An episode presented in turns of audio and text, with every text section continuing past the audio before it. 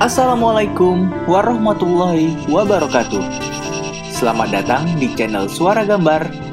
Beragam cerita, hiburan, serta pengetahuan yang bisa kalian ambil di sini. Sebelum menonton, jangan lupa subscribe ya, like dan komennya setelah selesai menonton.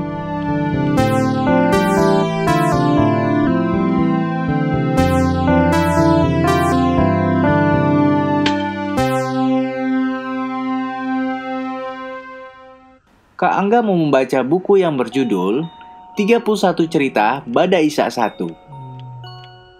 Yang pertama, mulai menyebut nama Allah. Ada serombongan orang di padang pasir.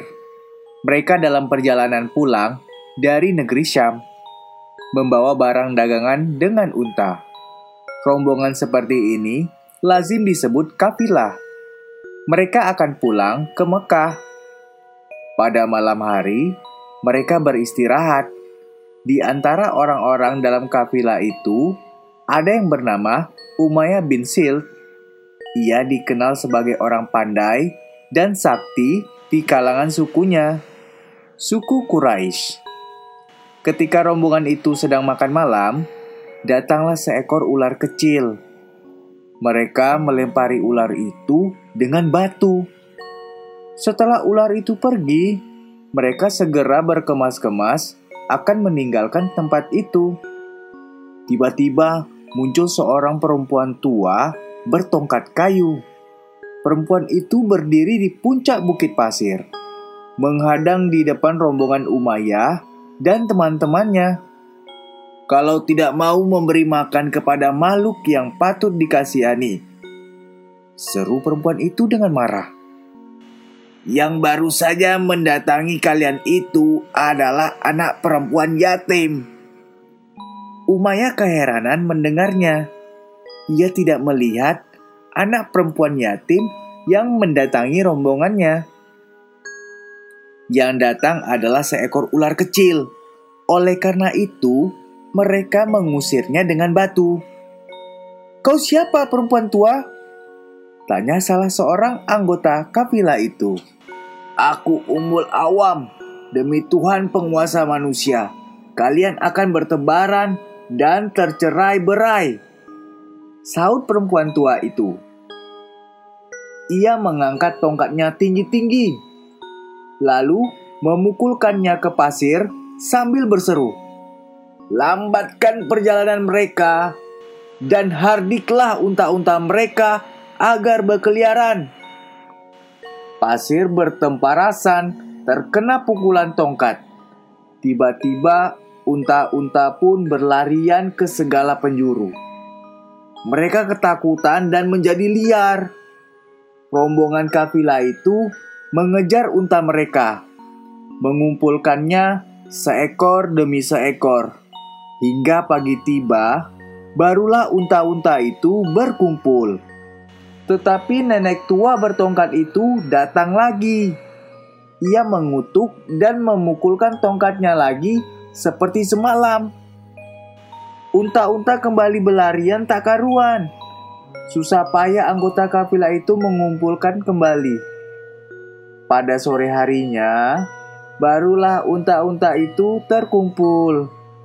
Untuk yang ketiga kalinya, nenek bertongkat itu muncul lagi ia juga berbuat yang sama seperti pagi tadi. Unta-unta berlarian kembali. Semalaman orang-orang itu mencari dan mengumpulkan unta-unta mereka. Ada orang yang ingat akan Umayyah. Konon Umayyah orang sakti. Tentu ia bisa mengatasi kesulitan ini. Katamu engkau orang sakti, kata seseorang kepada Umayyah.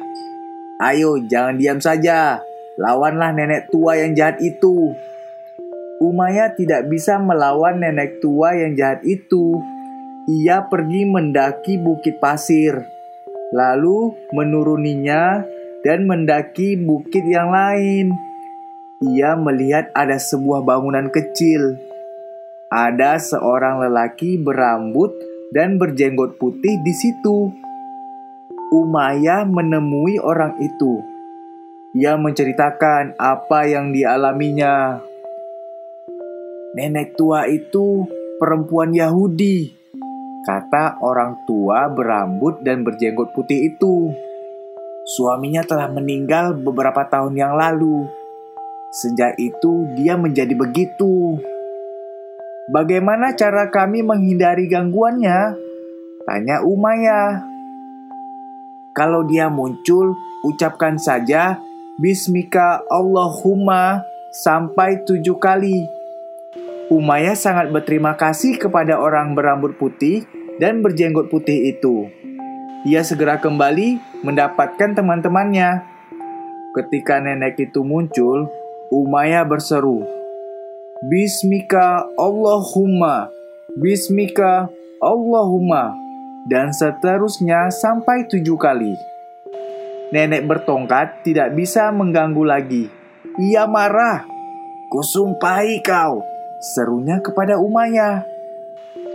Bagian tubuhmu akan menjadi putih dan hitam. Benar saja, keesokan harinya, bagian atas tubuh Umayyah menjadi berbelang-belangan putih, sedangkan bagian bawahnya menjadi hitam. Rombongan kafilah itu kemudian pulang ke Mekah tanpa gangguan. Mereka menceritakan pengalaman itu kepada semua orang. Sejak itu, Umayyah selalu mencantumkan kalimat Bismika Allahumma setiap kali ia menulis surat. Artinya adalah dengan namamu ya Allah kebiasaan itu diikuti oleh orang lain. Setelah agama Islam diwahyukan, kalimat itu diganti menjadi Bismillahirrohmanirrohim. Artinya, dengan nama Allah yang Maha Pengasih dan Maha Penyayang, umat Islam selalu memulai pekerjaan apa saja dengan mengucapkan kalimat itu. Sekian cerita. Yang pertama, Assalamualaikum warahmatullahi wabarakatuh. Terima kasih sudah menonton. Yuk nonton video-video kakak yang lain.